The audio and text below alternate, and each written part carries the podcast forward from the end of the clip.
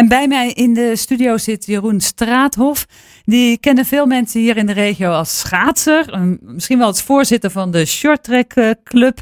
Misschien ook wel meer en meer als de vader van Kiek, Pom en Yves. Eh, drie talentvolle dochters die in zijn voetsporen treden als het gaat om uh, nummer vier ook. Oh, ik loop wel helemaal achter. We gaan doen dingen. Nou, in ieder geval welkom in, de, in de studio, Jeroen. Fijn dat je er bent.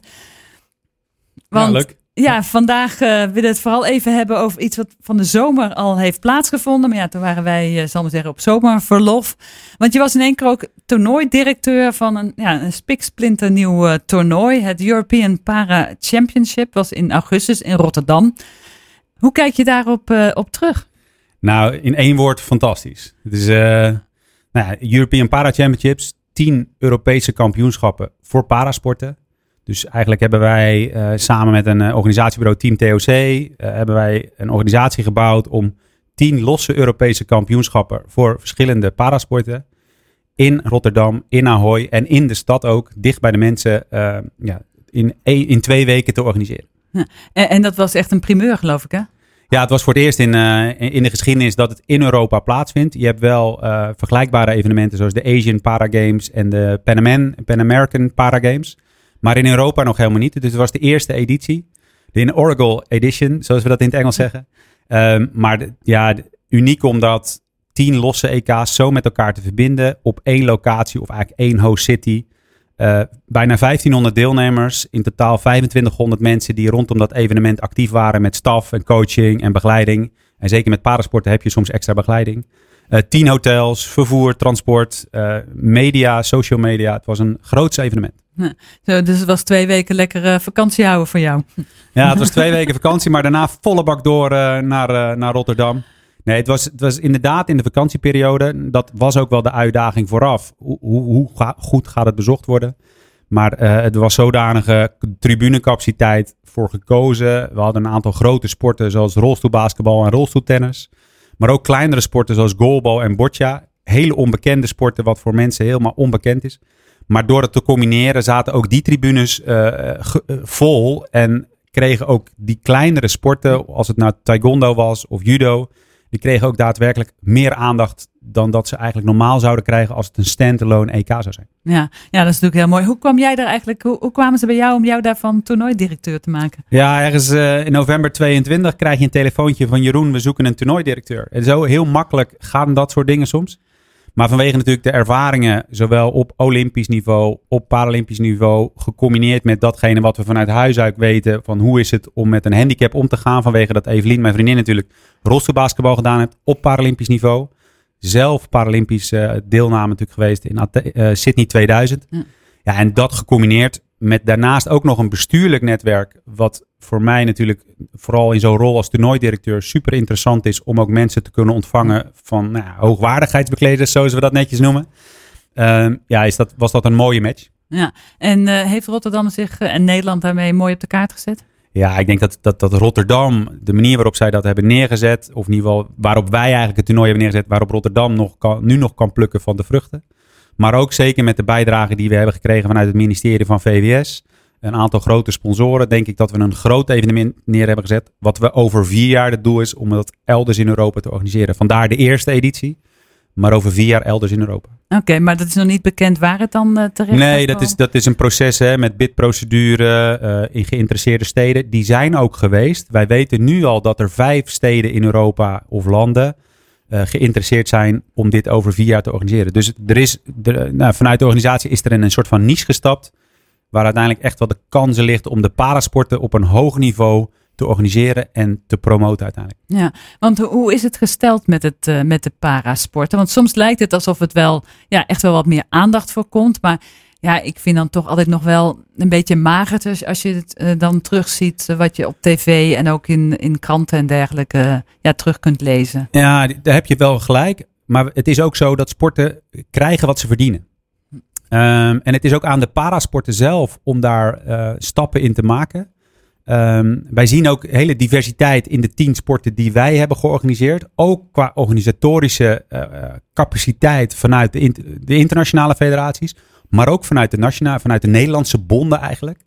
daar zien we heel diversiteit. En Hm. wij denken wel dat we door, door dit op deze manier georganiseerd hebben, daar ook een verbeterslag in hebben aangebracht. Wij liepen ook tegen een aantal drempels aan, letterlijk en figuurlijk soms, eh, zeker in de Paralympische wereld, ehm, om, om daar stappen in te maken en die sportbonden ook verder te brengen. We hebben Hm. ervoor gezorgd dat het op een ja, op groot niveau meer aandacht heeft gekregen. Een voorbeeld, we hadden een samenwerking met TikTok, eh, internationaal platform, waarbij wij live een aantal wedstrijden konden eh, eh, streamen. En op een gegeven moment was het zelfs zo dat de goalbal, heel weinig mensen ke- kennen het, Hm. maar had wel 411.000 bezoekers. Hm. En niet eventjes, nee, echt 12 minuten lang gemiddeld. Oké. Dus we hebben wel door het samenbrengen van media, door het samenbrengen van de promotie rondom die parasporten, wel op een ander niveau kunnen krijgen. En wat is nou zeg maar waar je het meest tevreden over bent als je terugkijkt op die twee weken? Nou, ons doel was echt om de topsporters een unieke beleving te laten orga- hebben tijdens het EK. Het gaat voor hun, hun medailles, weet je, hun prestaties. Dat was top georganiseerd. Daarnaast hadden we ook een hele atletenhal waar sporters elkaar konden ontmoeten. Daar is, was, was iedereen super enthousiast over. Dus het ging eigenlijk primair om de topsport. Maar daarnaast heb ik ook wel een aantal kippenvelmomenten meegemaakt. Waarbij je midden in de stad op het Schouwburgplein eh, de sport Boccia staat te kijken. En waarbij dan vier meiden uit Rotterdam, die gewoon winkelend publiek waren, maar die, die het ook de sport konden kijken, die zeiden van jeetje, die zijn gehandicapt, die kunnen nog veel. Dat zijn ook van die mooie momenten waarop wij denken van het was goed dat wij de parasporter dichter bij de mensen hebben gebracht en op die manier verder kunnen ontwikkelen. Want wat, eh, zeg maar, als je dan een beetje kijkt naar wat er in Leiden en de buurgemeente gebeurt, wat, wat, wat kunnen zij daarvan eh, meepikken, eigenlijk van leren? Nou, ik denk dat je heel erg. Ik bedoel, ik ken niet de specifieke situatie in Leiden. Eh, ehm, ik weet wel dat er, er wordt wel meer gewerkt om meer parasporten. Topsport Leiden is er ook mee bezig. Om toch na te denken hoe kunnen we wat aantal parasporten verder ontwikkelen. Wat van belang is dat we laten weten dat het er is. Ehm, ehm, dus, dus we moeten veel meer eh, sporten moeten vertellen dat ze ook aan parasporten doen. En een heel mooi voorbeeld. ehm, Taekwondo was er ook in Rotterdam. Ehm, en op een gegeven moment eh, kwam G. van den Berg kwam bij mij van Jeroen, kan ik komen kijken? Want hij zei, hij was gewoon nieuwsgierig Ja. hoe die sporten waren. Ja. Nou, ik denk dat het hem ook geïnspireerd heeft om ook na te denken van jeetje, hoe zou je nog Taekwondo bijvoorbeeld met één arm? Mm. Eh, dat kan allemaal prima, alleen moeten we laten weten dat het er is. Ja. En ik denk dat we daar ook over na moeten denken. Wij zijn zelf ook als shorttrack sport bezig met de G-schaatsen. Ja, ik denk dat dat ook... Dat is voor mensen met een eh, verstandelijke ja, beperking. verstandelijke beperking. Maar waarom niet ook een fysieke beperking? Ja. Weet je, dus, dus nou ja, daar zijn we nu ook wel aan het nadenken. Ja, wij willen eh, sporten met een handicap. Welke handicap dan ook eigenlijk. Ja. Ja. dat moet je veel meer onder de aandacht brengen. En we hebben volgens mij in Leiden een enthousiaste eh, coach als het gaat om aangesport sporten. Een van de buurtsportcoaches. Ja. Ja, die, heeft, ja die, die kan echt eh, heel, veel, heel, heel veel goed werk doen. Want is het zo dat, eh, zeg maar, eh, verenigingen soms ook misschien een beetje koudwatervrees hebben, omdat ze denken, ja, dat moet ik dan allemaal gaan organiseren? Nou, heel veel verenigingen hebben natuurlijk al de, de, de handen in het haar soms om een reguliere aanbod zeg maar, goed te organiseren. Denk aan trainers, denk aan velden, denk aan zaalcapaciteit soms. Hm. Ehm, maar ja, daar moet je natuurlijk slim mee omgaan om wel aanvullend aanbod te creëren. En soms heb je daar misschien wat aanvullende expertise nodig. Nou, volgens mij zijn er heel veel partners in de stad als het gaat om speciaal onderwijs of als het gaat om eh, die je daar prima bij kunnen helpen. En daar moet je volgens mij een soort van netwerk bouwen om samen na te denken: oké, wat kunnen we aanbieden? Wat past, wat past niet? En daar ook deur, keuzes in durven maken. Want er zijn ook nog randgemeenten waar je ook dingen kan doen. Ja, precies. Dat, eh, het moet natuurlijk eigenlijk eh, een samenspel eh, zijn van. Ja, en dat, van en dat is denk ik wat wij gezien hebben in Rotterdam. Door tien sporten Europese kampioenschappen samen te brengen, hebben wij het op een hoger niveau gebracht dan dat het normaal zou zijn. En volgens mij zou je daar ook op lokaal niveau over na kunnen denken. Breng het samen en creëer daardoor meer aandacht. Ja, dat je misschien iets samen organiseert, zeg maar, als Leidse clubs voor eh, allemaal. Als je nou kijkt naar, eh dus dat valt mij af en toe op, ja, in bijvoorbeeld het rolstoeltennis, vooral bij de vrouwen, is, Nederland echt gewoon al jarenlang gewoon absoluut de top. Ja. En eh, soms wel een beetje op het enge af, denk ik. Dat ik denk dat de rest denkt van, oh, daar staat weer zo'n Nederlandse, of daar zit zo'n Nederlandse, wij, wij kunnen wel inpakken. En bij andere sporten, ja, basketbal is Nederland ook heel, eh, heel goed in. Hoe komt dat dat bepaalde sporten, dat dat zeg maar, ja, zo wel goed aanslaat en bij anderen dan toch een beetje achterblijft? Nou, ik denk dat dat een aantal sporten zijn waar wij vroeg ingestapt zijn als Nederland. Maar we, we doen niet mee aan taekwondo. Hm. Even dan maar ook de bal een keer terugkaatsen naar de desbetreffende sportbonden. Ik denk dat wij nog veel te winnen hebben als je nadenkt over uh, badminton, taekwondo, uh, judo. Daar deed nou, iemand ook uit de regio, Daniel Knecht uit Hazenswoude Rijndijk. Dat was de enige Nederlandse deelnemer die vanuit Nederland meedeed als het gaat om blinde judo. En dan denk ik, ja, dan kunnen we altijd blijven kijken naar wat we. Waarom is Nederland zo goed in rolstoelbasketbal, in tennis? Maar moeten we niet ook omdraaien? Kunnen we niet beter worden in andere sporten ook? Ja, en, waar ligt dat aan? Is dat dan puur gewoon het aanbod van faciliteiten? Ja, soms het aanbod van faciliteiten. Soms het, ja, toch ook dat een sportbond in Nederland zijn heel veel sporten. Eigenlijk, denk 90% is, is onderdeel van een reguliere sportbond. Maar heeft het daar toch nog onvoldoende de prioriteit om dat ook te ontwikkelen? Uh, we zijn steeds meer aan het werken aan een inclusieve samenleving. Uh, ja, sportclubs, sportbonden kunnen daar nog veel beter over nadenken. Uh, en wij hopen met de European Para Championships om daar in ieder geval een voorbeeld aan te hebben. Ja, want is het dan iets dat je zou zeggen, je zou misschien een aparte bond moeten hebben? Of zeg je, het moet juist onderdeel blijven van die, al die nou ja, er zijn een aantal sporten. Er zijn een aantal sporten die zijn nog steeds uh, goalbal en, uh, en boccia zijn. En dat is onder gehandicapte sport Nederland, overkoepelende sport, sportbond. Dat is denk ik ook goed. Maar rolstoelbasketbal kan natuurlijk prima onder de, onder de basketbalbond. En uh, handbiken kan prima onder de wielerunie. Alleen zouden die bonden het ook hoger op de kalender moeten zetten. Om het nog breder, nog meer inclusiever, ook bij hun clubs lokaal breder onder de aandacht te brengen. Nou, uh, eh, BS Leiden heeft ook een enthousiaste tak rolstoelbasketbal. Ik denk dat dat een mooi voorbeeld is. Hm. Zou nog meer kunnen. Uh, nou ja, maar badminton, er is ook een badmintonclub volgens mij in Leiden. Um, en taekwondo is er ook, maar daar zijn nog hm. niet bekend dat daar ook mensen met een handicap meedoen. Ja, en is dat dan omdat, ze, omdat mensen het ook niet weten, die zelf zeg maar een beperking hebben, dat ze eigenlijk niet weten dat uh, zo'n sportje ook kunt doen? Ja, dat is zeker waar. Heel veel mensen weten het niet. Als mensen het op zoek zijn, ga vooral op zoek naar Uniek Sporten. Unieksporten.nl is eigenlijk een heel landelijk platform in Nederland, waar je het meeste aanbod in ieder geval kan vinden. Um, maar ja, ik denk dat ik op dit moment ook nog niet als shorttracksport op unieksporten.nl sta. En dat is natuurlijk ook aan ons als club, of alle clubs. Als je maar iemand hebt met een handicap binnen je club, zou je je al moeten aanmelden bij Uniek Sporten. Want die persoon vindt het ook leuk om met iemand anders of gewoon in een reguliere omgeving ook te kunnen sporten. Ja, het is natuurlijk wel zo dat, ja, dat klinkt misschien een beetje raar, maar je hebt natuurlijk niet zo heel veel mensen. Je hebt natuurlijk wel veel mensen met beperking. Maar als je het over heel veel sporten gaat verdelen, dan is het natuurlijk per club. Uh, blijft er altijd maar één of uh, twee over. Is dat niet, blijft dat niet altijd misschien wel de grootste beperkende factor? Dat je altijd een eenling blijft? Ja, dat kan zo zijn. Maar de grootste belemmering is velo. En dat blijkt ook uit onderzoeken wat uh, Fonds Gehandicaptensport Nederland al eerder heeft uitgevoerd. En waar, we ook in, waar ook in Den Haag aandacht is voor is gewoon de toegankelijkheid van soms van sportaccommodaties. Of de route naar, uh, om, om nou, gepast vervoer te vinden soms. Of, En daar, daar vindt zeg maar al een, een, landelijke lobby plaats om dat beter te organiseren. Ook via dat uniek sportenplatform. Um, ja, en, en natuurlijk is het zo, hè, als je uh, uh, maar één bent binnen een team en dan is het lastig om competitie te doen in, hm. in, in parasporten. Maar daar zou je wat meer kunnen bundelen. Misschien meer regionaal clubs organiseren en dat soort dingen. En als iemand echt wil rolstoelbasketballen of echt wil uh, zitvolleyballen of dat. Ja, dan zoek je natuurlijk je club ook wel op die bij je past. En soms is dat uh, dichter bij huis en soms moet je wat verder. Uh, wat zou je zeg maar mensen in Leiden willen meegeven in de omgeving over parasporten? Wat, wat moet in onze mindset van ons allemaal eigenlijk veranderen? Ja, denk in kansen. Um, zowel voor de persoon zelf. Dus ja, er zijn heel veel mensen met een handicap.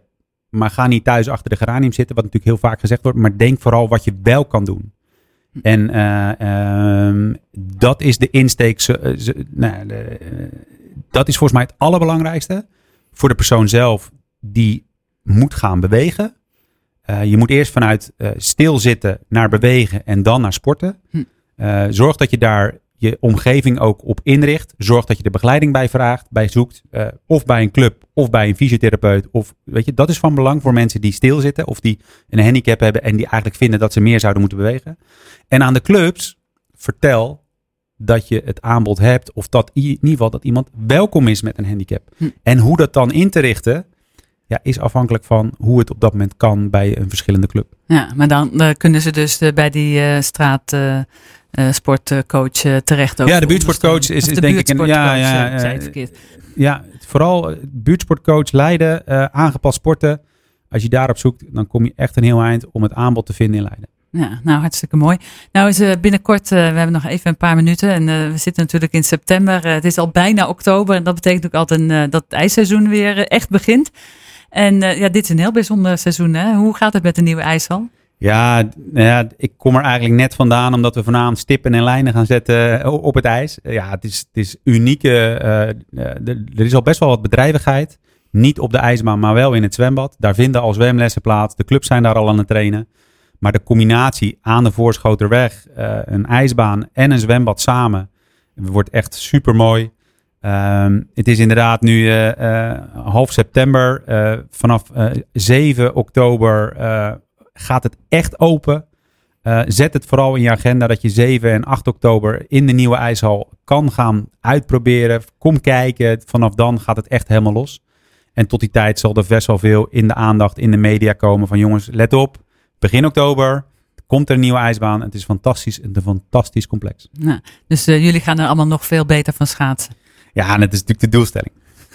En uh, ik begreep net, eh, want ik zei drie dochters, maar je hebt, uh, je hebt, je hebt, er, je hebt er nog meer die allemaal aan de schaatsen zijn. Nou ja, als je, in, als je in een gezin als bij ons komt, dan ga je schaatsen en dan schaatst iedereen en vindt iedereen schaatsen leuk. Alle vier dus. Ja, en, en ze kunnen het ook allemaal heel goed. Nou ja, goed. ze zijn nog geen Olympisch kampioen. um, maar dat zegt niet dat ze het, het gaat vooral om dat ze het leuk vinden. Ja. En dat is bij alle sporten, of het nou sporten met een handicap is of gewoon regulier. Uh, iedereen moet vooral gaan sporten omdat hij het leuk vindt. En dan hou je het ook zo lang mogelijk vol. Ja, en dat is natuurlijk wel belangrijk om te blijven bewegen. Zeker weten. Hey, dankjewel uh, Jeroen dat je even in de studio wilde komen om terug te blikken op dat uh, bijzondere evenement, het uh, European Para Championship. Ik was ook even gelukkig dat ik er even kon gaan kijken naar het rolstoeltennis. ik vroeg me nog wel af eigenlijk, ben je nou ook gevraagd om, om dat over vier jaar in een andere stad te organiseren? Of werkt het niet zo? Nou, zo werkt het niet. ik vind namelijk dat een nieuwe host city het in dat land, of in die stad, veel beter moet kunnen vertellen dan dat ik dat ga doen elders in Europa. De samenstelling van de sport ter plekke is anders. Um, maar ik ben bereid om daarin mee te denken, want ik denk dat het heel inspiratievol kan zijn om dat op een goede manier neer te zetten. Dankjewel. En ik, denk dat je ook wel een kijkje gaat nemen tegen die tijd. Dat was uh, Jeroen uh, Straathof, uh, ja, bekend als Olympisch sporter, als schaatser vooral, als voorzitter van de Shorttrack Club hier in de, de omgeving. Maar en natuurlijk als de vader van hele talentvolle schaatsers die hem al misschien op de toekomst ook voorbij gaan streven. Daarmee zijn we aan het eind gekomen van deze aflevering van Sport 071. Actueel sportnieuws uit Leiden en de regio hoor je iedere werkdag van 6 tot 7 in Sport 071 op Sleutelstad.